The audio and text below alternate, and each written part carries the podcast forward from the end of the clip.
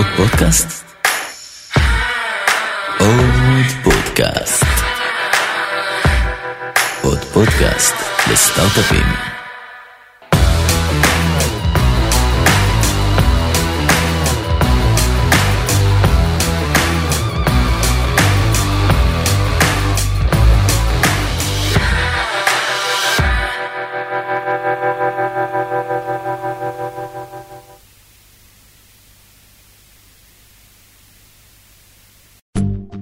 חדשנות על הבר, מובילי עולם הכלכלה הישראלית בשיחה אחד על אחד עם בכירי הרשות לחדשנות בברים ברחבי הארץ. כל מפגש יעסוק בהיבט אחר של החדשנות הישראלית.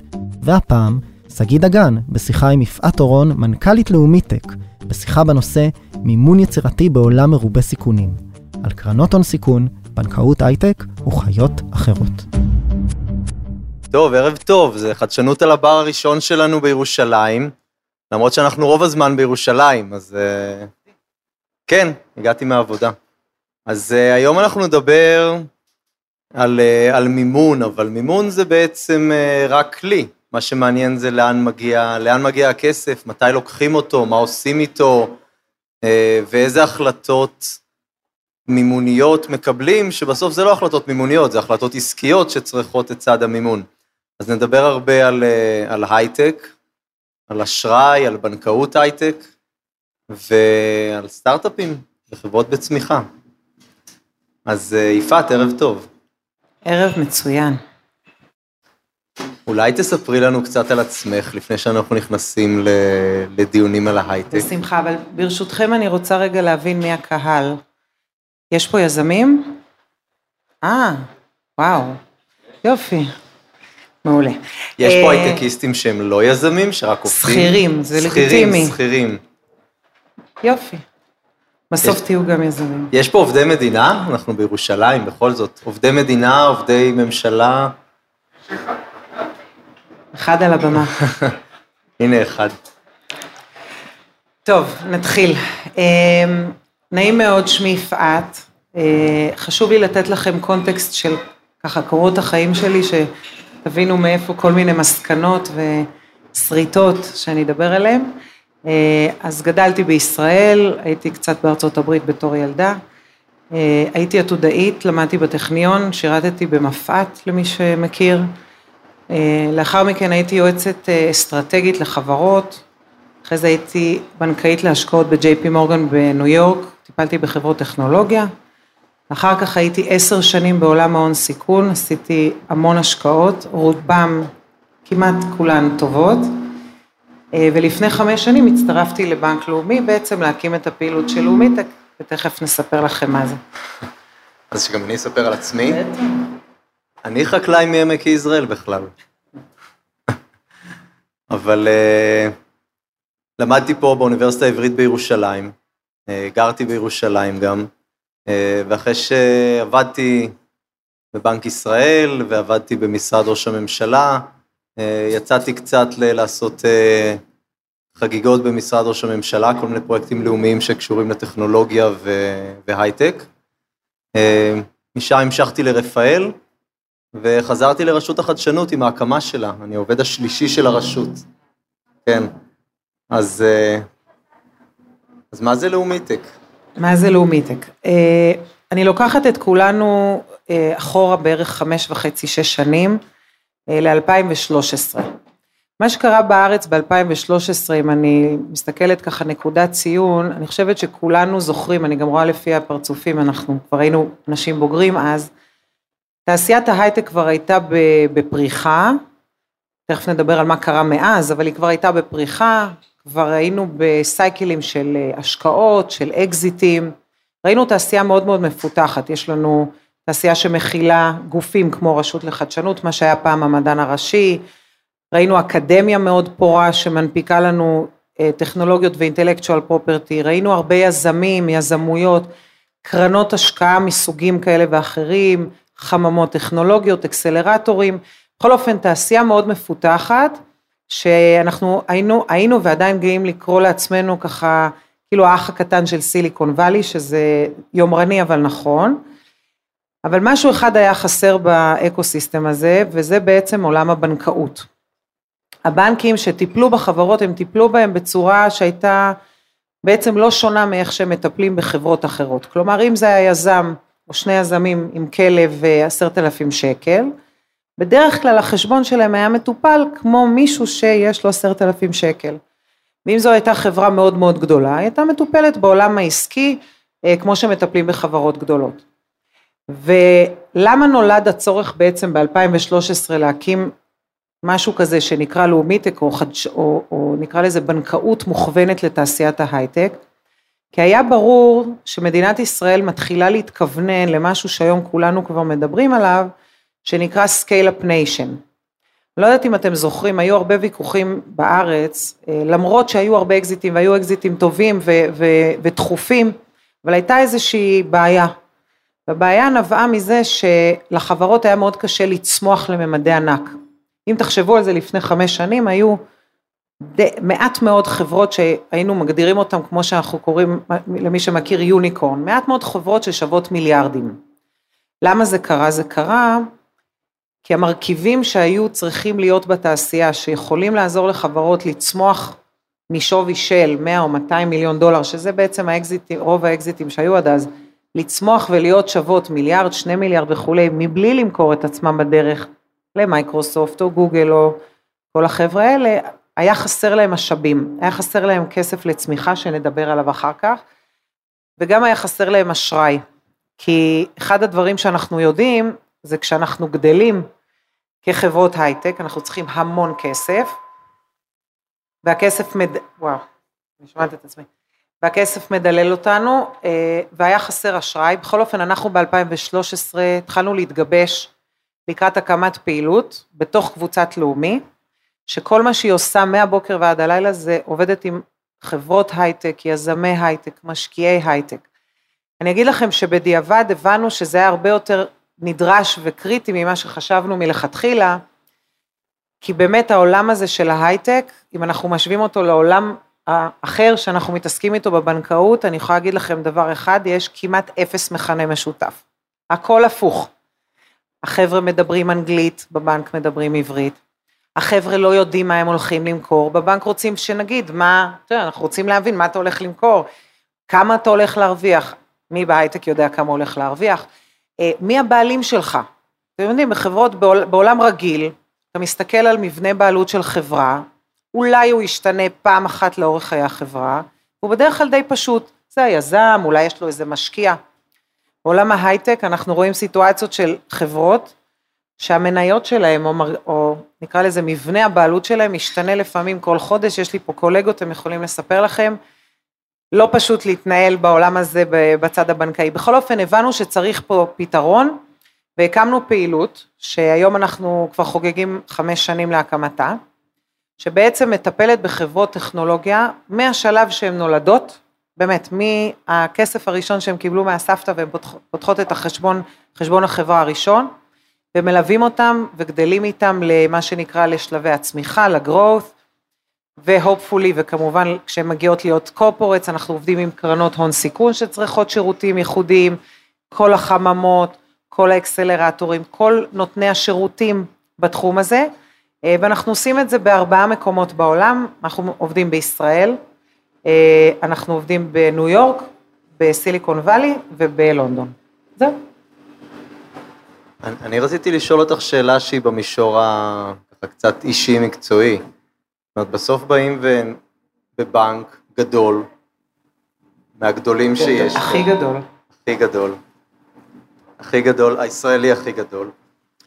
באים ובעצם מקימים פעילות שהיא, כמו שאמרת, מאוד מאוד מאוד שונה מה, מה-DNA הבסיסי של הבנק. ו, וכל הארגון המאוד מאוד גדול הזה, את לא מקימה איזושהי יחידה עצמאית נפרדת, בסוף את חלק, את חלק מהבנק. איך נראים האתגרים של להקים כזה מערך, אה, אה, מערך אשראי מורכב? כמה שינויים את צריכה לייצר מסביבך כדי שבכלל תוכלי ללמד ולחנך את כל המערכת מסביבך? מה, מה את עושה בתור התחלה? כן. אז באמת אה, הבעיה הראשונה שהייתה אישית לי בהקמת הפעילות, זה שאני הגעתי מתחום שהשם שלו הוא הון סיכון. כבר מתחילה הבעיה, אני אגיד לכם שבאמריקה לא קוראים לזה הון סיכון, קוראים לזה venture capital, זה הרבה יותר חיובי, המילה בעברית הרבה יותר מלחיצה. בכל אופן, אה, כמו ששגיא אומר, הסיפור הוא לא שאנחנו כצוות נדע לנתח חברות ולדבר איתם בשפה שלהם, אלא היינו צריכים לעשות עבודה מקדימה, ובעצם לקחת את כל הפלטפורמה הבנקאית על תצורותיה השונות, אה, יחידות האשראי, יחידות דירוג הסיכונים, יחידות העברות הכסף מחו"ל לארץ, שיבינו מה זה, מה זה לקבל כסף מקרן הון סיכון שיושבת בקיימן איילנד, זה לא טריוויאלי. אה, איך אנחנו מדברים עם החבר'ה, איך אנחנו מאפשרים יכולת דיגיטלית יותר מתקדמת. אה, בכל אופן, היינו צריכים לעשות עבודה באמת across the board עם כל כל מי שנמצא בבנק, כל היחידות של הבנק, ואני חייבת להגיד שזו הייתה חוויה מדהימה, כי אחד הדברים שהבנקאות שלנו הפנימה, לקח קצת זמן, אבל היא הפנימה, שהעולם הבנקאי משתנה, שהקהל שלנו משתנה, גם חברות ההייטק דורשות סוג מסוים של טיפול, אבל אני יכולה לספר לכם סוד, גם הילדים שלנו צריכים סוג חדש של טיפול, והיכולת של הבנקים, או הצורך בבנקים לדעת לעשות את האדפטציות בצורה הרבה יותר מהירה ממה שהם היו עושים פעם, ולמרות שאנחנו ספינה מאוד מאוד כבדה וקשה להזיז אותה, אה, הייתה מודעות מאוד, אה, מאוד משמעותית, ובאמת הצלחנו לרתום ואפילו אה, בכיף גדול, המון גופים בבנק ש, שלא עשו לנו חיים קלים, כי עולם ההייטק בניגוד לעולם הבנקאי, אני מניחה שאתם יודעים, לא כל החברות מצליחות, אפילו אחוז גדול לא מצליחות, והיה צריך באמת לוודא שאנחנו עושים את הדברים בצורה נכונה, אה, ומהר מאוד הגענו למצב שאני יכולה להגיד לכם שהתענוג הכי גדול, אחד התענוגות הכי גדולים שלי זה לשבת בוועדת אשראי, שאנחנו דנים בתיק של חברת הייטק, והעובדה שהחברה מפסידה כסף הוא נון אישו, משהו שאי אפשר היה להגיד לפני חמש שנים, כי להפסיד כסף, ואני אגיד עכשיו משפט לכל היזמים פה בחדר, המשפט הכי חשוב אולי שאני יכולה להגיד. להפסיד כסף ברמת חברה זה לגיטימי, זה חלק מהביזנס, שצומחים ב-100, 200, 300, 500 אחוז כל שנה, מפסידים כסף וצריך להביא עוד ועוד אה, השקעות. אבל הפסד ברמת החברה זה לא השאלה. ופה אני אולי קצת ככה מקדימה את המאוחר, ואנחנו ניגע בזה שוב, צריך להבין את העסק.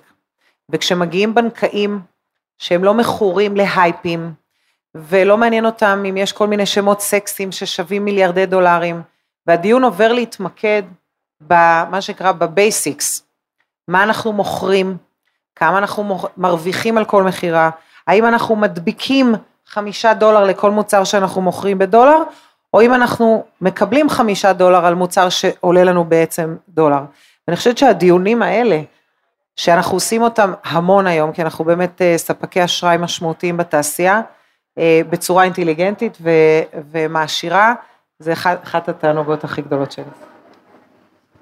אז אני רק עוד אשאל אותך שאלה, שאלה קטנה לפני שנצלול לתוך הסטארט-אפים ונצא קצת החוצה. את חושבת שבנק שמתחיל להסתכל אה, על תחום ההייטק והטכנולוגיה, אה, עם, עם כל המאפיינים הייחודיים שלו, עד כמה את חושבת שהנושאים האלה משמעותיים לפעילות אחרת של הבנק בעתיד, ה, בעתיד הנראה לעין? הרי הבנקאות משתנה. הבנקאות, ה, שנקרא מה שתיארנו בתור הבנקאות ההיא, גם היא לא הולכת להישאר איפה שהיא הייתה. אה, שאלה מצוינת. אני, אני אגיד לכם ככה, אה, בתחילת דרכי יצא ככה שהתחלתי את הפעילות בלאומית, התחיל אה, טרנד שלם של, של מה שנקרא פינטק.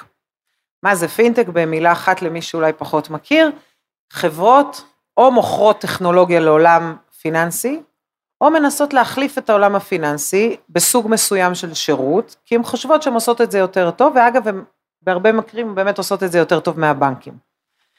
ואני זוכרת שהרבה פעמים אה, ככה אה, ניגחו בי החבר'ה, הלקוחות שלנו בעצם, שאמרו לי, את יודעת, אנחנו הולכים לאכול אתכם. ואמרתי, בסדר גמור, זה זה, זה לגיטימי ו, ואני מאחלת לכם בהצלחה, ואני יכולה להגיד לכם רק דבר אחד, זה יגרום לנו להתחדד, אולי לא באותה מידה, אבל בקצב הרבה יותר מהיר. ועברו חמש שנים, ודברים שאנחנו רואים בעולם הבנקאות היום, שהעולם הבנקאי מבין שאנחנו הופכים מגוף שנקרא בנק, שאני אפילו לא יודעת איך להגדיר אותו, לחברות טכנולוגיה, שבשיחות אחרות שלנו דיברנו, שיושבות על הרבה data, שזה לוקסוס אגב, שכל חברת טכנולוגיה הייתה מאוד שמחה להתחיל את הדרך עם כמויות data כמו שיש לנו בבנקים, עם יכולות של תשתית מאוד מתקדמת אה, טכנולוגית, ואנחנו בעצם הופכות, הופכים להיות חברת טכנולוגיה שנותנת שירותי, שירותים פיננסיים בדיוק כמו ש supposedly, לפי העיתונות, גוגל רוצה להיות חברת טכנולוגיה שנותנת שירותים פיננסיים. ההבדל העיקרי בינינו לבין חברות הטכנולוגיה נכון להיום, זה שהיום אנחנו הרבה הרבה יותר אה, תחת רגולציה, מהרבה שחקנים חדשים, טכנולוגיים, מגניבים שנכנסו לשוק. אני יכולה להבטיח רק דבר אחד, בסופו של דבר האסימפטוטה הזאת תשתלב, כל מי שיעסוק בכסף יהיה מפוקח, יהיה רגולייטד, הרבה מהחברים שלי בפינטק נאלצים להתחיל, נקרא לזה לשים גופי אה, רגולציה ומומחי רגולציה בתוך הארגון שלהם, כי הם, הם פשוט מתחילים להיות בנקים בלי שהם שמים לב. אז בכל אופן אנחנו באמת עברנו בבנק מהפכה, אה, אחת מהמהפכות הכי משמעותיות זה שמי שמכיר פה את עולם ה-challenging banks, challenger banks, זה כל הבנקים החדשים האלה שבעצם קמים בצורה וירטואלית ובצורה אה, מאוד באמת מגניבה, עם, עם UI מאוד מגניב, ויש הרבה כאלה גם באירופה, גם בארצות הברית. אה, אנחנו הבנו את זה כבנק, אמרנו אוקיי, אנחנו הולכים להיות disrupted, ואם אנחנו כבר יודעים שאנחנו הולכים להיות disrupted על ידי כל מיני שחקנים חדשים, אז ניצור לעצמנו את ה-disruption של עצמנו. ובעצם הקמנו פעילות שנקראת פפר, אני מניחה שראיתם קצת פרסומות, שזה בעצם קניבליזציה עצמית. אנחנו בעצם הולכים, זורמים עם הטרנדים שמתקיימים עכשיו, זה פשוט קרה בתוך הבנק, אבל לכל דבר ועניין זה כמו עוד אחד מהסטארט-אפים שבעצם פונה ללקוחות צעירים ובצורה יותר נחמדה. טוב, רגולציה, נקודה מעניינת, לא, לא לדיון הזה. לא לדיון הזה. אבל אה, אתם יודעים, אפילו פייסבוק בימים אלה הולכת ומתחננת לרגולציה. אז אה, תחשבו על זה. בואו נדבר קצת על, אה, על יזמות, יש פה הרבה יזמים. לפני שאני שואל את השאלה, כמה, כמה מכם נמצאים בשלב של גיוס פרסיד, רגע, פרסיד, ראשוני? מתי השלב הנכון להתחיל לגייס כסף? בוא, אני אנסה רגע לאסוף ככה את כל השאלות ביחד, כי אני אזרום. תראו, על, על השלב הזה. אז ככה, אמ, אנשים לא מבינים לטעמי עד כמה השלב פרי-סיד הוא דרמטי אה, בחיי החברה, וטעויות, הצל... דבר, דברים טובים שקורים בשלב הזה עוזרים מאוד לחברה, ודברים פחות טובים אה, יושבים קצת אה, ככה כאבן רועץ על החברה, ו, ואני רוצה להעיר אה, על הדבר הזה כמה דברים. קודם כל אני חושבת שהעוגה הזאת שנקראת הסטארט-אפ, לפני שחילקנו אותה, לפני שהכנסנו שותפים, זה המצרך כמעט הכי יקר שאתם היזמי פרי-סיד מחזיקים. אה, אחד הדברים שתמיד אומרים לי, וואי, איזה, מש, איזה משקיע כדאי לי לקחת, את מי אני לא אקח, ואני אומרת, חבר'ה, לפני שאתם מדברים על איזה משקיע אתם לוקחים, אני אומרת, בואו קודם כל תבינו איזה שותפים אתם הולכים לקחת. לא רק איזה שותפים אתם הולכים לקחת, אלא איך אתם הולכים לחלק את העוגה. עכשיו, הרבה פעמים אנחנו נוטים להיות סוציאליסטים, כי לא נעים לנו, כי כולם מוכשרים, כי כולם כנראה היו ב-8200 או המקבילה שלהם, ואז יש כל מיני שיטות כאלה של חלוקה הוגנת ובוא נחלק את זה שווה בשווה וכולי. אני לא אומרת שזה לא דבר נכון, אני אומרת שזה לא דבר טריוויאלי, לא כולם שווים, תמיד בסופו של דבר יש מישהו שכנראה מחזיק קצת יותר נכסים כשהוא נכנס לתמונה, אבל אני כן יודעת שיש מצבים לא, לא טריוויאליים לעשות חלוקה אחרת. מה שאני כן אומרת, זה לוודא שיש מה שנקרא וסטינג. כלומר, לא נותנים את כל האחוזים לשותפים ביום הראשון. צריך לעבור תקופת שרידות ולראות לאורך זמן שבאמת האנשים שהתחילו את החברה הם האנשים המתאימים, והם נשארים עם החברה לאורך זמן. אם כן, אשרינו, הכל בסדר, הם זוכים במניות שהם הרוויחו ביושר. אבל אם לא, התרופה הזאת של מה שנקרא וסטינג, שמאפשרת לחברה אה, להיפרד בצורה יפה מיזמים שפחות מתאימים, שלא יתקדמו לאן שהם צריכים להתקדם, אה, היא קריטית והיא בעיקר גם משמרת הרבה מאוד נכסים שהם נכסים יקרים.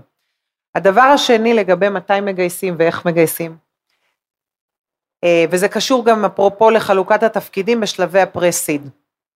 חלוקת התפקידים בשלבי הפרסיד, כשבדרך כלל רוב מי שמקים את החברה בהתחלה הוא אנשים, הם אנשים טכנולוגיים, זו שאלה מאוד מאוד לא טריוויאלית, ואני אגיד את הדבר הבא.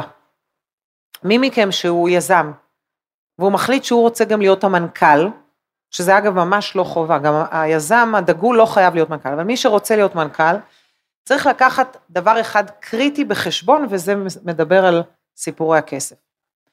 אותו יזם מנכ"ל, מהרגע שהוא התחיל את החברה, עד ובכלל, יעסוק ב-X אחוזים מזמנו, ותכף נדבר על מה, מה זה אחוזים האלה, בגיוס כסף. לא, ב, לא בלכתוב קוד, לא בלגייס אנשים, לא בלעשות תוכניות אסטרטגיות, לא לבקר לקוחות, לא. הוא הולך להשקיע בין, אם הוא ממש טוב, חמישה אחוז, ואם קצת פחות, יכול להיות גם 20-25 אחוז מזמנו, בגיוס כסף. עכשיו אני אומרת את זה כי זה לא, ו- וזה גם רץ לנו ככה לאורך היום, אה, לאורך הערב, גיוס כסף זה תופעה אה, רציפה, בסדר? זה למי שלמד אה, אופטיקה, זה כמו גל, זה לא נגמר אף פעם. או שאתה כותב את המצגת, או שאתה משפר את המצגת, או שאתה באמצע של האקסל, או שאתה משפר את האקסל, או שפגשת איזה מישהו כי אתה מתייעץ איתו עם איזה קרן לדבר, זה לא נגמר. יש תקופות שהעצימות עולה, כי פתאום ממש צריך כסף, לא משנה אם זה ראונד פרי-סיד, סיד, A, B, C, ואז נכנסים לאיזה מוד מואץ, אה, שבאמת הולכים ומדברים היזמים, אבל ה-state of mind הזה, של אני מגייס כסף, הוא כל הזמן ברקע, ולכן אני אומרת, לפני שאתם מחליטים אם אתם רוצים להיות מנכ"לים, קחו בחשבון שזה דרישת התפקיד, לדעתי, נאמבר 1. אה, ממי אגב מגייסים, אני רק אגיד אה, אה, משפט. וואי, איזה רעש. ממי מגייסים זו שאלה שהיא קצת חליפה ליתום, זה, זה מאוד מאוד תלוי. זה תלוי ככה, אחד, באמצעים של היזם. הרבה פעמים אנחנו רואים אה, חבורת יזמים, אגב צוות, בדרך כלל זה צוות לא יזם בודד, אה, חבורה שמתחילה לעבוד מה שנקרא על ההון העצמי שלה, מה זה על ההון העצמי שלה? שהם לא מושכים משכורות, הם מבזבזים חסכונות, זאת בעצם ההשקעה שלהם אה, בעסק, זה עושים אנשים שכבר עבדו קצת, אולי יש להם חסכונות ויכולים להרשות לעצמם. מי שפחות יכול להרשות לעצמו מתחיל לגייס כסף. אמא, אבא, סבתא, דודה, יש היום, מה שלא היה לפני עשר שנים, יש היום כבר אה, אה, מאגרי מידע ציבוריים, שקרנות אה, ישראליות מפרסמות אותו, עם שמות של אנג'לים סדרתיים, שזה אנג'לים ש, שלא עושים ככה השקעה פעם ב, בשביל, בשביל לשחק בהייטק, אלא זה, זה, זה אנג'לים, שזה המקצוע שלהם, שהשקיעו בהמון חברות. סיבה שאני מציינת את זה, כי אני חושבת שב... אפשר לבחור, בסדר? אז עדיף אנג'ל, אה, בכלל עדיף כל משקיע, אנג'ל או קרן, מנוסים ככל, ה... ככל הניתן. למה? כי הערך הוא הרבה יותר מהכסף שלהם. אתם צריכים להבין שלהביא אה, אה, מישהו בשלב מוקדם, מישהו מנוסה בשלב מוקדם לחברה, שווה הרבה יותר מלקבל כסף, מה שנקרא טיפש, בשווי יותר גבוה. אז אני מאוד ממליצה על זה. ואני אגיד לכם שיש גם סיפורי סינדרלה, של אנשים שמביאים איזשהו נכס או נכסים טכנולוגיים, רעיונאות, לא חשוב מה, שיוצאים ממצגת ומצליחים להביא גיוס ראשון של חמישה מיליון דולר, גם את זה אני רואה. על זה אבל לא הייתי בונה, זה לא הסטנדרט, הסטנדרט זה להתחיל בכספים יותר קטנים, בעשרות אלפי דולרים, ובאמת להתפתח משם. כן, אנחנו גם רואים חברות שעם, עם הטייפ של לגייס חמישה מיליון דולר בסיבוב ראשון. אה, לא, לא כדאי לבנות על זה, אלא אם כן באמת מישהו מגיע עם נכסים טכנולוגיים דרמטיים, או ניסיון מאוד מאוד אה, אה, משמעותי. אה, מישהו, זה צוות בשלבים האלה. אה, אבל נשאלת שאלה איך, איך מתמחרים בכלל את, ה, את ההשקעה. בשלב הזה. כן, אז אומנם למדתי בין היתר כלכלה ומודלים, גם אתה, נכון? בין היתר. אז בואו אני אגיד לכם משהו, תיקחו את כל המודלים האלה ותזרקו אותם לפח. חוץ מאת מודל אתה האצבע. צוחק או בוכה? לא, לא, יש את מודל האצבע, יפעת, מודל האצבע עובד. ככה? לא, אני, אני, אני, אני, הדבר היחיד, אני כן אגיד משהו מכלכלה. אה, למדתם מה זה היצע וביקוש? היצע וביקוש. סטארט-אפים אה, נחשבים בתחומים חמים בתעשייה, עם יזמים, לאו דווקא מנוסים, אבל שיש סברה לחשוב שהם ידעו מה לעשות, יכולים לגייס בשווים יחסית גבוהים. תכף אני אתייחס לזה, כי לא בטוח שזה נכון לעשות את זה. ויזמים פחות מנוסים, שהתחום שלהם אולי הוא פחות סקסי, יצטרכו לתזז הרבה, וכנראה גם יצטרכו לקבל אה, אה, את ההשקעה, גם אם השווי לא מוצא חן בעיניהם. ואני אגיד לכם, מניס, מניסיוני המאוד ארוך שנים, היו יזמים שבתחילת הדרך ראיתי שהם נורא נורא נורא מתעקשים על השווי. זה היה להם נורא חשוב, היזמים האלה לא עשו כלום בסופו של דבר. כי מי שעושה אופטימיזציה על השווי לא מתעסק עם החברה, הוא מתעסק בשווי, ו, ויז, והמשקיעים לא מבחינים בזה, אה, והאנשים האלה פשוט לא מגייסים כסף. אה, אז אני לא אומרת שצריך ככה בכל מחיר וכולי, צריך לעשות אה, דברים נכונים. מה כן צריך לשים לב? אני אגיד ככה, זה קצת עורך דין מצד אחד וצד שני. מצד אחד, לא לגייס יקר מדי. למה לא לגייס יקר מדי? כי זה עובד פעם אחת. זה עובד פעם אחת, הפעם הבאה שצריך לגייס כסף, כי הכסף אין מה לעשות, הוא נגמר והוא נגמר מהר, בדרך כלל. בשלב הבא, השלב הבא אמור להיות בעליית שווי. בשביל להעלות את השווי ולא, אה, נקרא לזה, לפגוע בשווי של מה שהמשקיעים הראשונים שלך השקיעו, אתה צריך לבוא עם ניוז, צריך לבוא לשוק, אחרי חצי שנה, שנה, שנתיים, תלוי כמה זמן הכסף נשאר, עם משהו חדש. אם אתה רוצה שווי יותר גבוה, אם לא הבאת משהו, לא הבאת משהו חדש, השווי לא יהיה יותר גבוה, אולי הוא יהיה אפילו יותר נמוך, כי כולם יודעים שאתה בלחץ, כי יש לך גם עובדים וספקים ועוד כל מיני דברים שאתה כבר פחות גמיש מ... אני מגייס כסף ועוד אין לי שום התחייבויות. בכל אופן, אז לגייס גבוה מדי זה בעיה. אני אגיד שגם ב flip side, גם לגייס בשווי נמוך מדי זו בעיה. למה? בואו ננסה לתאר רגע, אין לי פה לוח, וטוב שאין, כי הייתי מתחילה לצייר, אבל בואו נתאר לעצמנו סטארט-אפ, שבתחום Enterprise Software, ונניח שיש חוקי אצבע שאומרים שהסטארט-אפ הזה לאורך חייו צריך לגייס, או בסוף יצטרך לגייס משהו כמו 30 מיליון דולר, בסדר? וזה יבוא כנראה בצ'קים של, יתחיל ב-100 אלף, אחר כך אולי מיליון, אחר כך שלושה, אחר כך שבעה, ואחר כך חמישה עשר. לא סכמתי, אבל זה יוצא בערך 30. כל שלב כזה שהיזם מגייס, הוא, הוא, החברה, מקבל איזשהו אלמנט של דילול. למה אני אומרת את זה? אני אומרת את זה כי אנחנו צריכים, כשאנחנו עושים את ההשקעות האלה, לכלכל את צעדינו ולהגיע למצב שלאורך כל הגיוסים שהחברה תעשה, והיא תעשה כי אין ברירה, יישאר לנו מספיק בשר וממה לדלל. כשבסופו של דבר תזכרו שאנחנו צריכים חלק מהמניות לשריין לעובדים, שיהיה להם אינטרס להישאר בחברה. חלק מהמניות האלה אנחנו צריכים לשמר ליזמים, שיהיה להם אינטרס להישאר בחברה, וחלק מהמניות כמובן מתחלקות בין כל המשקיעים. כשאנחנו, כשמישהו עושה טעות ומגייס בשווי נמוך מדי, והוא נותן למשקיע בהתחלה, בעבור מעט כסף, המון אחוזים, היזם הזה בבעיה. הוא בבעיה כי אין לו אחר כך מאיפה לתת אחוזים.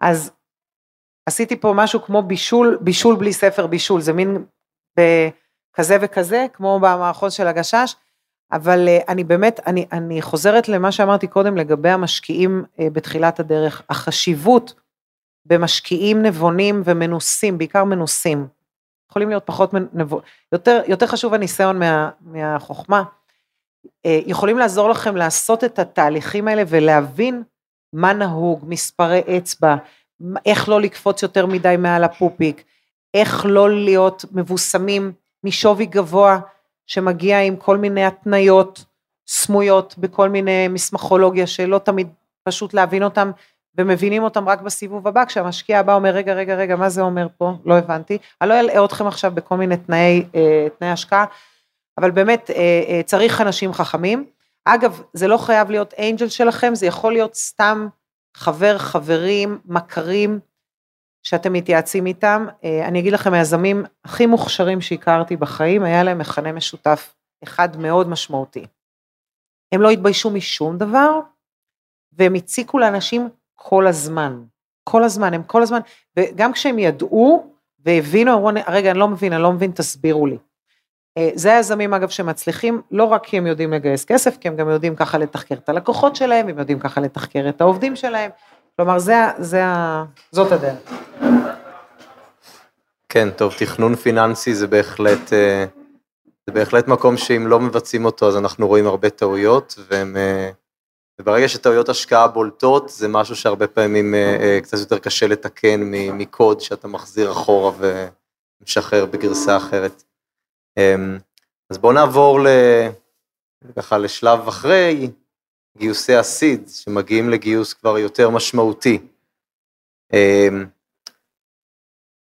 זה כבר לא גיוס שנעשה בזריזות הרבה פעמים, זה כבר צריך ללכת למשקיע, למשקיע משמעותי שהוא הרבה פעמים קפיצה מסוימת, זה כבר לא האנג'ל שיעמיד את הקפיצה הגדולה. מתי צריך להתחיל להיערך לשלב הגיוס הזה? כמה זמן זה לוקח, ההיערכות, הביצוע שלו? צריך גם כסף שיהיה מספיק לנשום במהלך אותה תקופה. כמו שקצת אה, הזכרתי קודם, אנחנו כל הזמן בתהליכי גיוס. בראונד סיד אנחנו כבר מתחילים לחלום על מי תהיה הקרן. ובאמת אחרי סיבוב הסיד שמתחילים לדבר על אה, סיבוב A, יש המון מה להגיד, אבל אני אנסה למקד ככה את הנושאים הקריטיים. אני חושבת שדבר ראשון, יש לנו לוקסוס בארץ, שלא בכל מקום בעולם יש אותו, שיש המון המון משקיעים חכמים, טובים ומקומיים. אמ, אני חושבת שמאוד חשוב בשלבים הראשונים בהקמת חברה, אה, ללכת ולדבר עם, עם כמה שיותר אנשים בשוק. אני כן חושבת שצריך למצוא חבר או שניים, לבחון מה אתם הולכים להגיד לקרן לפני שאתם הולכים לקרן, אה, כי זה קצת אה, מה שנקרא you snooze you lose, כלומר אם אתה, הייתה פגישה לא טובה, מאוד קשה, מאוד קשה לשנות אה, דעה של שותף אם הוא החליט שזה לא בא לו. מעטים השותפים שיודו שהם אמרו לא בטעות ויחזרו לדבר עם אותו יזם, אוקיי? We will frame it this way. אה, הדבר השני זה, אני חושבת שצריך אה, להבין שה... לא צריך לי, אה, להתייחס לקרן כמו איזשהו מקום שאתה ככה בא, יורה, הם עושים את האנליזה, אלא אתה, אתה או את צריכים להגיע לפגישות עם כמה שיותר מידע פנים על הקרן ועל הבן אדם הספציפי בקרן שאתם פוגשים. למה? כי הוא מצפה מכם. הוא מצפה מכם, כי כמו שאמרתי בנקודה הקודמת, הציפייה מיזם, או מקבוצת יזמים, מנהלים של חברת טכנולוגיה, זה שהם יהיו אחד מאוד חכמים, כל היום יעשו אינטליג'נס על כל דבר, וידעו הכל לפני מי ש... אה, על מה שקורה מולם. כלומר, כשאתם נכנסים לדבר עם משקיע הון סיכון, מבחינתו זה כאילו אתם נכנסתם לדבר עם לקוח. וכמובן שאתם הולכים למכור ללקוח, אתם לא תיכנסו בדלת ולא תדעו מי יושב מולכם ועל איזה תקציבים הוא יושב ולמה כדאי לו לקנות או לא כדאי לו לקנות. אותו דבר קרן הון סיכון, הם אה, מצפים, אגב בצדק, שכשאתם מדברים עם שותף בקרן הון סיכון, או אגב אסוסי הצעיר, זה בכלל לא משנה, מי הוא, באיזה חברות הוא כבר מושקע, אולי הוא מושקע בתחרות של, שלכם ואולי בכלל לא כדאי לכם לספר יותר מדי, מה מעניין אותו, מה מעניין את הקרן, אתם יודעים, לבוא לקרן שהיא קרן של עשרה מיליון דולר, ולהגיד לה אני רוצה לעשות צ'יפ, אה, צ'יפ שיצרוך אה, גיוסים של 200 מיליון דולר לאורך החברה, זה ככה קצת לא מתאים. בכל אופן צריך לעשות הרבה market intelligence או, או ספציפית על אותו בן אדם, ולבוא מאוד מאוד מאוד מוכנים. הדבר השני, זה לגבי עצמכם מבחינת המוכנות. אין טולרנטיות למצב שאתם כיזמים לא מכירים את החברה שלכם הכי טוב בעולם, שאי אפשר להתקיל אתכם בשום דבר, אבל לא רק את החברה שלכם, גם את השוק. אה, מצב ש-VC יושב מול יזם והוא מכיר הרבה יותר טוב את הבעיה התחרותית של אותו יזם, בעיה, בסדר? לא מצפים מהיזם לדעת על כל השווקים וכל התעשיות, אבל בתעשייה שלו, הוא צריך להבין מה קיים, מה לא טוב בתעשייה, מה הוא פותר, ואולי אפילו גם מה התחרות שלו, וזה לגיטימי שיש תחרות, אבל הוא צריך להכיר אותו. אנחנו גם רואים היום שיש יזמים מובילים טובים שבכלל בוחרים איזה משקיעים הם גם לא ילכו, איזה כן הם ילכו, ומעמידים אותם אחרי זה בתחרות. אוקיי, אז, אז אני פותחת פה רגע סוגריים. אה, בואו נדבר, אני, אני מגדירה את זה בסעיף סימני התקופה, בסדר? בהחלט. אני מסתכלת פה על הקהל, ואתם בגיל שלי, אז, אז אתם עוד זוכרים. יש דברים כאלה שנקראים סייקלים בתעשייה. אני לפעמים יושבת פשוט עם אה, יזמים שהם כולם בני 21, והם לא מבינים על מה אני מדברת, כי כשהם היו בתיכון, אז כבר השוק היה בגאות, והוא ממשיך להיות בגאות עד היום. המצב שאנחנו נמצאים בו בעולם, אה, מבחינת הזמינות והרצון להשקיע בטכנולוגיה, זה שיא כל הזמנים, לדעתי אפילו יותר ממה שהיה ב-2001, מבחינת זמינות הכסף. יש היום מאות, מאות מיליארדי דולרים של כסף שגופי ההשקעה התחייבו להשקיע בקרנות הון סיכון, והקרנות האלה מחפשות במה להשקיע. אני אפילו אסתכן ואומר שאולי יש יותר כסף מרעיונות. עכשיו, מה קורה כשיש יותר כסף מרעיונות? פתאום היזמים שפעם היו ככה מתחננים לכסף, הם פתאום הסחורה שנמצאת במחסור. והמשקיעים צריכים בעצם להתקבל למועדון של הסטארט-אפ בשביל להשקיע בו. כלומר, העולם מתהפך. זה עולם פנטסטי ליזמים, פנטסטי. הוא קצת משבש את המחשבה, כי יש איזושהי סברה כזאת, כאילו תמיד יהיה הרבה כסף, ותמיד אני אוכל לגייס את הכסף, ותמיד יריבו עליי.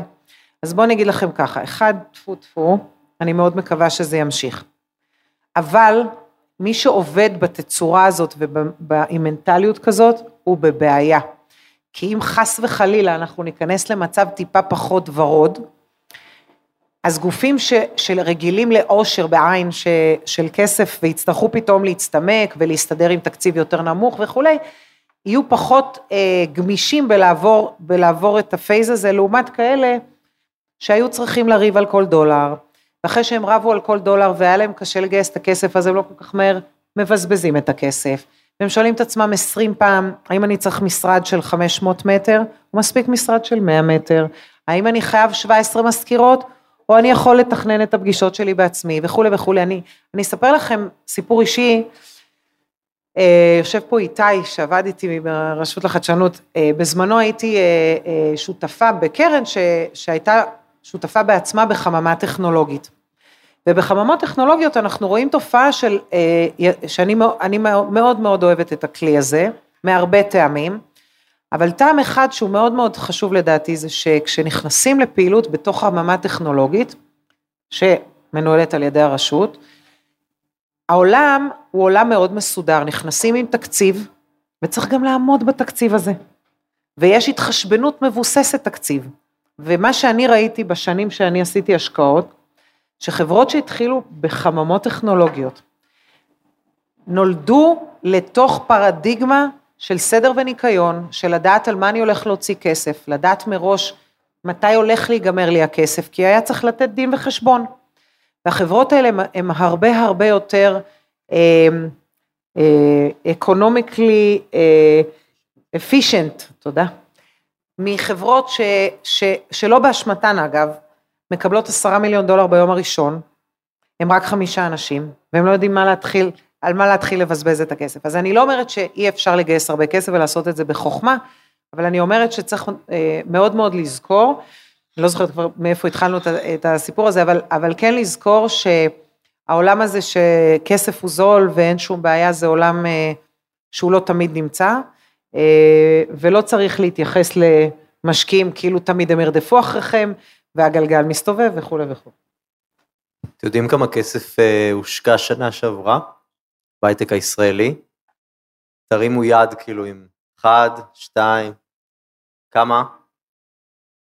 דולר, מיליארדים, זה השפה שלנו, נכון? אנחנו לא יודעים... זה היה הכי קרוב בינתיים. כמה? לא. לא, זה... וואו. לא, 20 לא. מיליארד. התוצר השנתי של מדינת ישראל, בואו נשים פרופורציות, 350 מיליארד דולר. אה, הושקע סדר גודל של אה, קרוב, קרוב ל...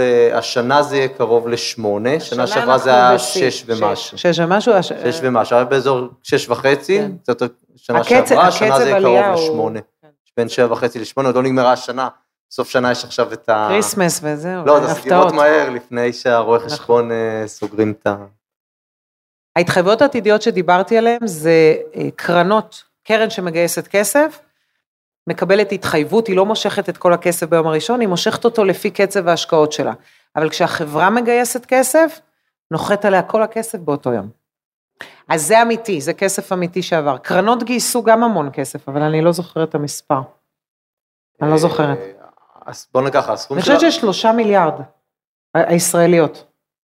שתיים, תשע, שלושה. כן, חלק גדול מהכסף גם מגיע כמובן מקרנות הון סיכון אה, תאגידיות, יש בישראל היקף מאוד מאוד גבוה, אה, בערך שליש מהכסף מגיע מהשקעות תאגידיות, בעולם זה 20 אחוז, אז מהבחינה הזאת אנחנו יותר גבוהים. אה, טוב, אנחנו לא בהרצאה על ה... לא, זה לא... לא בהרצאה, אבל, תכירו באמת את המספרים, מה שנכון זה שאנחנו עכשיו נשאל את השאלות אה, ככה, נתחיל, נתחיל להתקדם כבר שהכסף, אה, הכסף בהתחלה הדבר ראשון הוא, יותר קשה, גם היום עם הגידול המאוד מסיבי רובו הוא באמת לצמיחה של חברות שתכף נגיע אליה, כי זה, אני חושב חלק מאוד מעניין מהסיפור של הייטק היום, לפני עשר שנים אפילו זה היה איזה מין חלום כזה בפוליסי שנצליח להגיע לאיפה שאנחנו היום. גם היום יש לנו חלומות אה, הלאה. אני אולי, אה, אני אולי ניקח את זה שנייה למה התפקיד של אה, רשות החדשנות בשלבים האלה. בכל השלבים. נכון, אז אה, דיברנו, דיברנו על שלבי, ה, שלבי ה-seed, שלבי ה-early stage.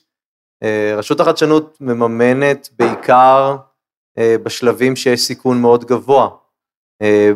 בעולם שיש סיכון מאוד גבוה וכל המשקיעים לוקחים equity כי הסיכון מאוד גבוה, אז אנחנו נותנים אה, בעצם איזושהי אה, הלוואה מותנית ואפילו קוראים לה מענק, אה, שזה אומר שלא מחזירים לנו את הכסף, אלא אם מגיעים למכירות וגם אז אה, כשלושה אחוז מהמכירות עד לגובה ההלוואה שלנו, מה שאומר שתכננו מנגנון שבנוי להפסיד כסף.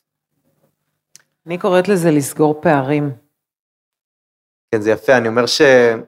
שואלים אותי על ההשקעות שאנחנו עושים, אז, אה, אז אני צריך כל שנה, השנה הזאת, אזור של 200 מיליון דולר ככה להוציא החוצה מהרשות יותר אפילו.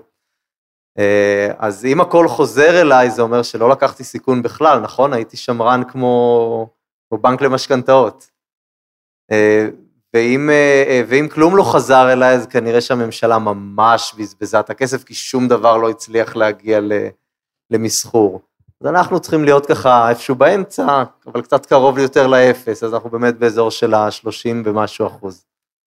אה, אבל זה ככה בצד הפיננסי.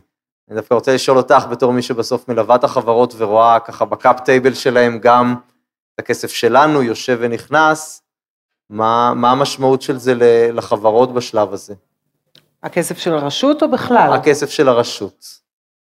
תראו, כי ה- אנשים שואלים את השאלה הזאת, לא רק מהצד של בסדר, הרשות נותנת כסף, והוא מקל על המשקיעים אה, אה, את, את היקף המימון, אבל איך זה נראה אחר כך בצד של, ה, בצד של החברות, בצד של המממנים.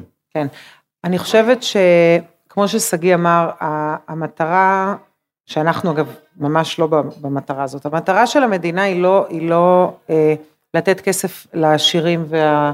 שקל להם לגייס כסף anyway, בסדר? נכון? כלומר, בסופו של דבר המטרה היא לקדם אג'נדות של איפה שכסף פחות הולך אליהם, לאור זה שזה יותר מסוכן, או שיש רצון, אני חושבת, ללכת על כל מיני אסטרטגיות של מדינת ישראל, להעצים, להעצים אותנו כמדינה וכולי. כן, אנחנו בסוף סיבה שקוראים לנו הרשות הלאומית לחדשנות טכנולוגית, זה שאנחנו באמת, יש לנו מיקוד בחדשנות טכנולוגית מאוד גבוהה, שמייצרת גם יתרונות יחסים מאוד גדולים לתעשייה הישראלית לאורך זמן, וגם מה שיפה בפרויקטים טכנולוגיים זה שגם שה, שהם לא מתים. זאת אומרת, גם אם, ה, אם הביזנס אה, של הפרויקט לא הצליח והפרויקט נסגר, טכנולוגיה לא באמת יושבת באיזה פטנט, היא יושבת בראש של האנשים, אה, ברעיונות, ביכולות, ב, אה, ברובד הזה, ואנחנו רואים מה שקוראים, באנגלית זה נקרא spill over, אני חושב שבעברית המילה זה זליגה. זאת אומרת, אותו ידע ואותן הבנות זול, זולגים למקומות אחרים בתעשייה, ומה שגם את רואה בתור הרבה יזמים סדרתיים. אה, אנשי טכנולוגיה שעוברים עוברים ממקום למקום. אה, ישראל גם מדינה קטנה, ככה שזה הכל באמת עובר ונשאר פה, אז זה אחת ההצלחות גם שלנו. העובדים, לא רק יזמים. נכון, נכון. נכון, היזמים והעובדים, אה, גם המשקיעים. אני אגיד ככה שהרשות, כמו הרבה גופים אחרים, אמורים לעבוד אה, בצורה הרמונית אחת עם השנייה בשביל לגרום לחברות הישראליות לצמוח ולהצליח. ואני חושבת ש... אה, את זה בתחילת השיחה, אנחנו הרבה יותר משוכללים ממה שהיינו פעם. אה, אנחנו מתחילים לראות חברות ישראליות, אני לא אמנה פה שמות, אבל חברות ישראליות, שבעולם של לפני חמש או שבע שנים, היו עושות אקזיט, היו מגיעות ל-100 מיליון דולר מכירות, שזה המון כסף. אומרים, וואי, אפשר לראות פה 300, 400, 500 מיליון דולר, לקחת הביתה. מי היה אומר לא על דבר כזה לפני, לפני נניח עשר שנים? אף אחד. והיום אנחנו רואים, וזה, וזה קשור בעיקר לגופים כמו הרשות, כמו בנקים, כמו קרנות לצמיחה, שבעצם מאפשרות לנהל איזשהו אה, מבנה בעלות כזה, שעובר ידיים, אבל החברה נשארת באותו וקטור של צמיחה, ונקרא לזה ועצמאות, היא לא צריכה למכור את עצמה. אז מה אנחנו רואים? אנחנו רואים בהתחלה את האנג'לים ואת החממות ואת הרשות בכל מיני תצורות שהיא נותנת לאורך השנים. את המממני equity שאנחנו יודעים שקיימים. את הבנקים שאנחנו קצת ככה ניסינו לעשות בדומה לכם, בעצם לתפור לכל שלב בחיי החברה את הפתרון האשראי שמתאים לה. חברה בת יומיים לא תיקח עשרה מיליון דולר אשראי, בסדר? זה לא, זה לא מתאים. אבל היא כן צריכה כל מיני גישורים ותפירות, כי מתעכב לה סיבוב, מתעכב לה כסף, חס וחלילה, מהרשות בגלל כל מיני אה, דברים פוליטיים שקורים במדינה. בכל אופן, אז בהתחלה לוקחים קצת אשראי, ואחר כך לוקחים אשראי קצת יותר גדול של אה, מיליונים, ויש לנו חברות שגם לוקחות עשרות מיליוני דולרים, כי הן יכולות אה, אה, לתמוך באשראי כזה, ואנחנו רואים את כל הדברים האלה משתלבים לכדי מצב שמאפשר לחברות לצמוח, ואז יש לנו גם תופעות שהן מאוד, אה, יחסית מאוד חדשות, אני חושבת, בישראל, זה המכה של מה שנקרא הנפקות שניוניות. מישהו יודע, מכירים את זה? סקנדרי. למה סקנדרי זה חשוב? סקנדרי זה, זה תהליך השקעה שפעם היה מיוחס בעיקר לקרנות הון סיכון, שנניח נגמרה תקופת הקרן, הם רוצים למכור את ההחזקות שלהם, והם מכרו את זה בסקנדרי לגוף אחר.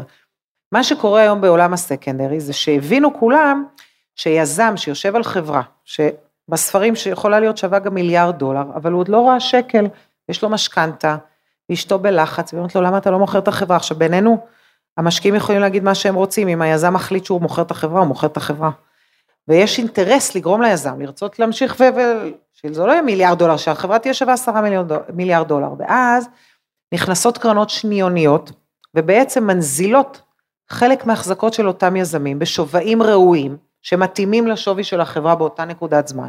הם לא מוכרים את הכל, כי צריך מה שנקרא זהות אינטרסים, ושהיזמים עוד יהיה להם איזשהו אינטרס להמשיך ולעבוד, אז הם מוכרים עשרה אחוז, עשרים אחוז, משלמים את המשכנתה, מה שנקרא קצת פחות לחוצים, ו, ואנחנו רואים בגלל התופעה הזאת, ובגלל שיש לנו קרנות שיודעות לקנות מקרנות בשווי גבוה, אנחנו מתחילים לראות סיפורים של חברות ישראליות ששוות כבר מיליארד או חמישה מיליארד, פרטיות, אפילו לא הולכות להנפקה ציבורית.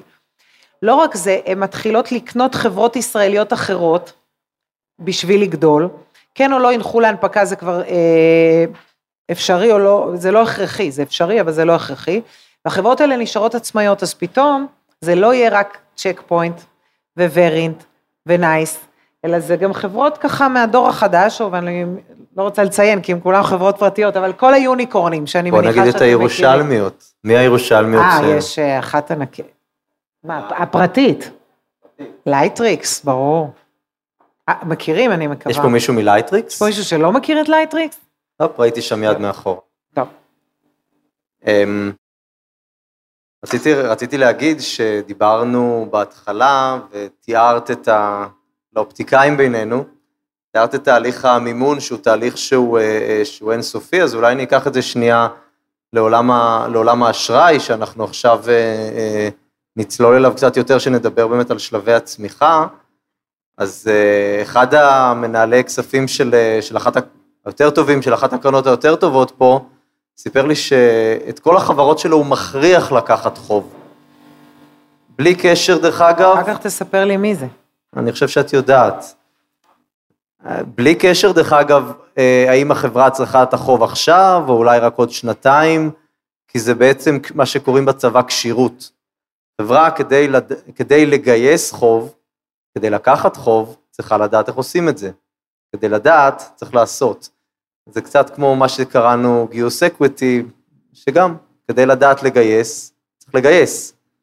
אה, בגלל זה שלב ה pre-seed כנראה הוא, הוא באמת קריטי. אז בואו אה, נתחיל לדבר קצת על אה, צמיחה במכירות. זאת אומרת, היינו קודם ב round A, חברה בנתה איזשהו פרוטוטייפ, אה, שיחקו איתו במעבדה, הוציאו אותו החוצה, עשו איזה beta site נחמד, צריך להתחיל להביא לקוחות. צריך עכשיו לתקף את ה...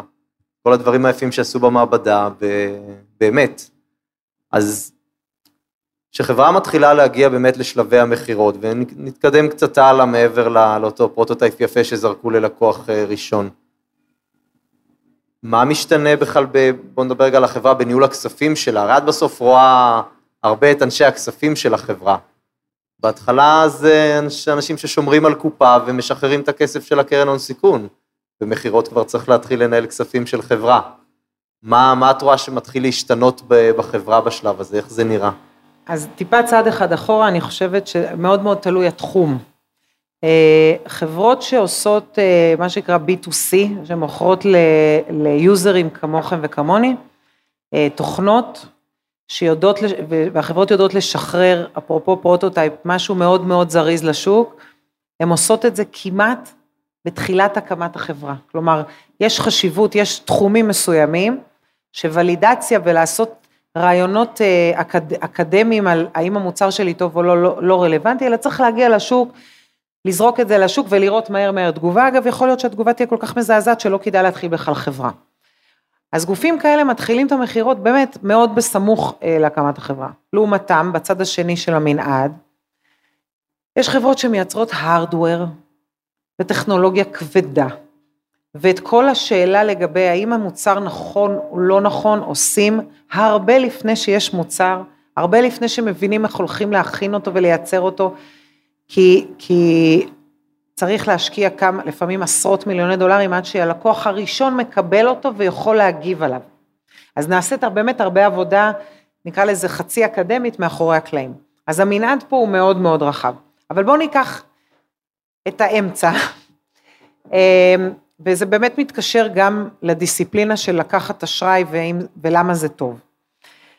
אה, כשחברה קמה בהתחלה ויש לה משקיעים, אה, נקרא לזה של, של השלבים הראשונים, יש המון טולרנטיות בלסטות מהתחזית.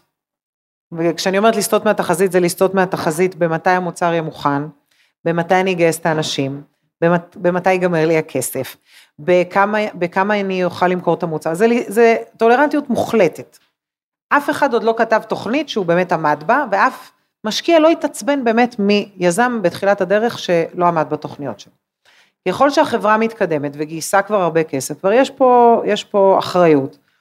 להתחיל, להתחיל לשלוט במספרים, להתחיל לשלוט בתחזית, להתחיל לתכנן, לא כמו חברה ציבורית שצריכה להגיד כמה סנטים למניה היא תרוויח ברבעון הבא, אבל כן יותר, לא, לא להיות במצב שאתה פתאום מתעורר בבוקר ואתה מתקשר למשקיע ואומר לו, אופס, אני צריך לשלם משכורות ביום ראשון ואין לי כסף. זה רע מאוד. לכן אנחנו רואים בתהליכי הגדילה, מצב של תחילת חברה שהרבה פעמים אין לה בכלל, אין בכלל איש כספים בחברה, הרבה פעמים היזם מנהל את הדברים עם איזשהו אה, גוף אה, תומך חיצוני, ולאט לאט אנחנו רואים איך החברות מתחילות לשחלף את האנשים לאנשים הרבה יותר מסודרים, כי בסופו של דבר חברות באיזשהו שלב, שאמרנו שהוא כל הזמן, צריכות להיות מוכנות לגיוס כסף, והן צריכות לשלוט במספרים, הן צריכות לשלוט במודלים. עוד פעם, מותר לטעות, זה לא שאסור לטעות, אבל הן צריכות לדעת אה, לאן ללכת. אה, החשיבות של אנשי כספים מתעצמת ככל שכמובן החברה גדלה, ההוצאות גדלות, המוצר מסובך, הרבה פעמים עלויות מאוד משמעותיות ושריפת מזומנים נגרם, נגרמות בגלל תכנון לקוי של ייצור למשל, שיכול להרוג חברה לחלוטין.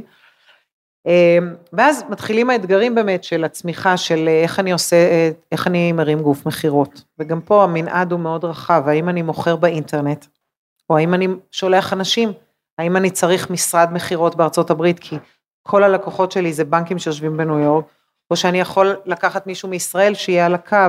האם אני צריך להיות איתו בארצות הברית, עם הלקוחות שלי בארצות הברית, ואז אנחנו רואים, נקרא לזה סיבוכיות הולכת ומתעצמת, כשבעצם לכל דבר שאנחנו עושים בחברה, או אתם עושים בחברה, יש הרבה אופציות, אף אחת היא לא בהכרח נכונה, אף אחת.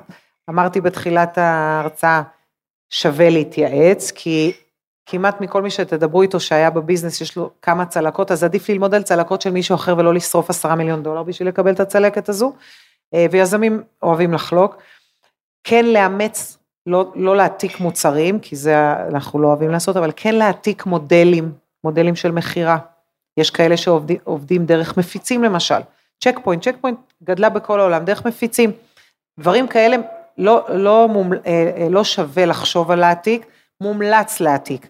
חברה שעושה משהו בתחום דומה לכם, לכו תלמדו. לכו תראו איך היא עושה שיווק מוצלח, מכירות מוצלחות. האם היזם עבר לארצות הברית, האם היזם עבר לסין, וכולי וכולי. אה, והדבר שאני מתכנסת לנקודה זה באמת איך אני מכלכל את המימון של כל הדבר הזה, ופה אני חושבת נדרשת אה, באמת אומנות, ופה בא לידי ביטוי גם CFO אה, מתוחכם ומשקיעים מתוחכמים. יש כאלה שלוקחים אשראי באמת בשביל למנף את האקוויטי, כי חברות שמגיעות לשלבים מסוימים שצריכות המון המון כסף, לא כל כך בא להם להמשיך להידלל, ואם אפשר להביא קו אשראי של כמה, לפעמים אפילו עשרות מיליוני דולרים, במקום להביא את זה באקוויטי שמדלל, זה כדאי. אבל הנדבך הנוסף או הלייר הנוסף שאשראי אה, נותן, הוא נותן לחברה ולמשקיעים בחברה איזושהי נוחות ביכולת ניהול הכספים של החברה. כי כשעובדים מול בנקים, בסופו של דבר זה לא דירקט, יש דירקטוריונים, אני אגיד את זה ככה, מגניבים, שבסדר, טעית בחמישה מיליון דולר בתקציב, לא נורא, טעית בעשרה מיליון דולר, לא נורא, טעית בשלושים מיליון דולר, לא נורא. כשאתה עובד עם בנק ואתה מתחיל להתכנס לאיזושהי פרדיגמה של ניהול תקציב, אתה גם צריך לעמוד בה. ויש משקיעים שבאמת זה מאוד מאוד חשוב להם, הם לא בנויים בהכרח בעצמם לעשות את ה monitoring הזה, ולכן נוח להם ש, שעובדים עם בנק ועובדים בצורה מסודרת, עם דיווחים מסודרים, עם data מסודר, עם דוחות, אתם יודעים, יש חברות שאנחנו פוגשים, שאומרים לנו, אני את הדוח של 2000, אני אקח סתם שנה, של 2016, יהיה לי מוכן ב-2019, משהו כזה. כי זה לא לכולם בהול, העולם החשבונאי לא בהכרח קריטי להייטק, אבל uh, מי שרוצה לדעת ולשלוט ולהבין באמת על מה הולך הכסף, ולעשות את ה... אה, נקרא לזה את התיקונים בזמן ולא אחרי ששרפתם המון כסף ועצבנתם את כל המשקיעים שלכם, אז אני חושבת שאשראי כמו הרשות, אה, זה כלים שהם מסודרים, שצריך לדווח, צריך לעמוד באיזשהם כללים, אה, והחברה פשוט הופכת להיות יותר טובה. כן, טוב, סדר זה דבר חשוב שצריך לעשות scale. בואו נפנה קצת שאלות לקהל.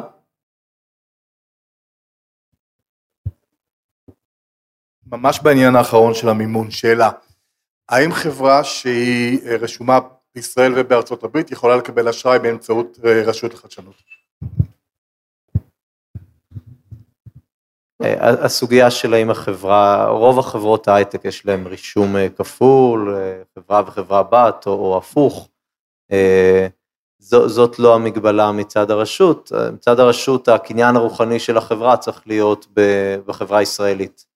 זה שהיא בבעלות של, של חברה, אמר, חברה אמריקאית, או, שהיא ב, או שיש בבעלותה חברה אמריקאית לשיווק, זה לא, זאת לא מגבלה. יש לי שאלה מאוד פשוטה אליך, מתי אתם משלמים את הכסף שאתם חייבים?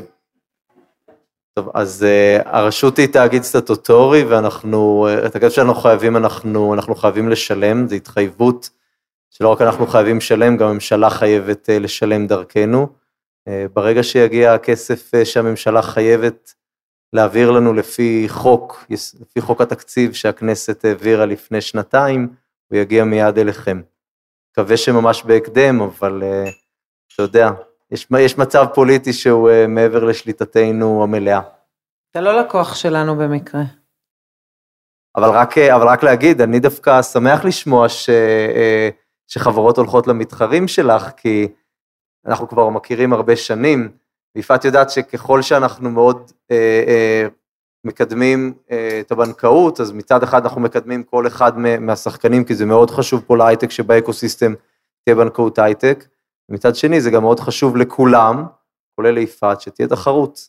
תחרות זה מה שעושה אותם יותר טובים, יותר חדים, ובסוף גם, אה, גם יותר אה, מוצלחים. נתחיל קצת, אה, נעשה התכנסות. וואו. נו, אז באמת, בואי, עכשיו אנחנו ככה באווירה פתוחה. איזה, תספרי לנו על טעויות של, של הייטקיסטים. יש פה והכי מישהו- מעניין זה כן. טעויות אישיות. לא, אז אני, אני, אגיד, אני זה- אגיד ככה. אה, יש לי המון טעויות, אבל יש להם מכנה משותף, אז אני אדבר בצורה קצת יותר אה, אה, כללית. יש פה משקיעים בחדר? לא, אין משקיעים. כשמגיעה חברה ואומרת, אני הולך לעשות את עולם התקשורת אה, 3G בצ'יפ כזה וכזה, כי גם עשיתי בצבא ככה וככה, קל לנו לבדוק, קל לנו להבין את צורכי השוק, קל לנו לבדוק את היזמים, אם הם באמת יהיו מסוגלים אה, לעשות דברים כאלה או לא וכולי. אה, אני קוראת לזה אבולוציה מתקדמת של טכנולוגיות, אה, שזה רוב המשקיעים יודעים להסתכל, יודעים לבחון, בסוף מחליטים כן או לא, זה פחות חשוב. באיזה מצבים אני מצאתי את עצמי אה, עושה טעויות? במצבים של חברות, שכשסיפרו לי עליהם בפעם הראשונה, שאלתי את עצמי מי שיכור, אני או זה שיושב מולי. ואני אתן לכם דוגמאות, לא מחברות ספציפיות, אבל מחברות כן שאתם מכירים, ותנסו רגע להתחבר אליי ככה לראש. אתם זוכרים פעם ראשונה ששמעתם על Airbnb למשל? זוכרים דבר כזה? אז אני זוכרת שבארצות הברית, גרתי בארצות הברית די הרבה שנים, והיה גוף שהרבה לפני Airbnb, קראו לזה קרגסליסט. שאפשר היה לשים הודעה באינטרנט ולהגיד, אני, הדירה שלי תהיה פנויה בתאריך כזה וכזה, אני משכיר אותה ב-100 דולר ללילה. ואני זוכרת מישהו מספר לי שבא לארץ לביקור ואומר, כן, הדיר, יש לי מישהו בדירה, אני אומרת לו, מי זה? הוא אומר לי, אני לא יודע. אמרתי לו, מה זאת אומרת, אתה לא יודע? אמר לי, אה, הזכרתי את זה בקרגסליסט. אמרתי, מה זאת אומרת? אומר, השארתי את המפתח למטה אצל הדורמן, ואני מקבל 100 דולר ללילה. אז אמרתי לו, רגע, אני לא מבינה. מישהו זר נכנס לדירה שלך, משתמש במגבות שלך, כל אחד עם הבעיות שלו, במצעים, בפוך, הניירת בנקים שלך במגירות, ככה נתת את הדבר, הוא אמר לי, כן, מה הבעיה? עכשיו, למה אני מספרת לכם את הסיפור הזה? כי באו אליי חברות מהסוג הזה של משנים עולם, משנים עולם, ואני באמת חשבתי שהם שיכורים. ומה שהסתבר לי, ולקח לי כמה שנים להבין את זה, זה שהחברות, חברות טכנולוגיות, עם טכנולוגיות עמוקות שוות כסף, שוות הרבה כסף, יכולות להיות שוות 100 מיליון דולר, 500 מיליון דולר, הן שוות הרבה כסף. אבל החברות שיהיו שוות המון כסף, זה החברות שאני לפחות חושבת שהיזם שיכור כשהוא מספר לי עליהן. למה? כי זה שינוי קונבנציה, זה שינוי כל כך משמעותי, שאו שזה לא יקרה, כי זה באמת הזוי, אבל אם זה יקרה, וזה הראשון בשוק שהוא קצת מסוגל ומסוגל להגות את זה, סליחה, הוא ית, והוא ירוץ מספיק מהר, הוא יתפוס market share והוא יהיה פשוט מפלצת. יש לנו את זה באובר, יש לנו את זה ב-Airbnb, יש לנו את זה בדברים הפסיכודליים שאמזון עושה, שאני אני לא מספיקה לעקוב בכלל על, על כל ההמצאות שלהם. אז אני, מה שאני רוצה להגיד זה, שאני מחזקת יותר ויותר את היזמים החולמים, שככל שהם חולמים יותר, הפוטנציאל שלהם יותר גדול, ולכל היזמים בחדר, תדעו לכם שכל המשקיעים יודעים שהיזמים צריכים להיות חולמים וחולמניים אפילו, כי כש, כשמישהו עושה את המתמטיקה האמיתית מאחורי, ויש פה כמה שהצביעו, את המתמטיקה האמיתית מאחורי כל סיפור שמתחיל לצאת לדרך, המת, המתמטיקה היא נג, נגד הסיפור. לא משנה באיזה תחום זה, זה תמיד against all odds, ולכן אתם צריכים להיות חולמים ואופטימיים, ולחשוב שאתם בדיוק האחד מהאלף שתצליחו, וללכת על דברים גם אם זה נראה לכם הזויים, כי שמה, שמה יש כסף. זהו. טוב, זה טיפ, אה, טיפ אחרון ל- לסיום. כן, גם אני אוהב, גם אני אוהב disruption. טוב. תודה. יאללה. תודה רבה.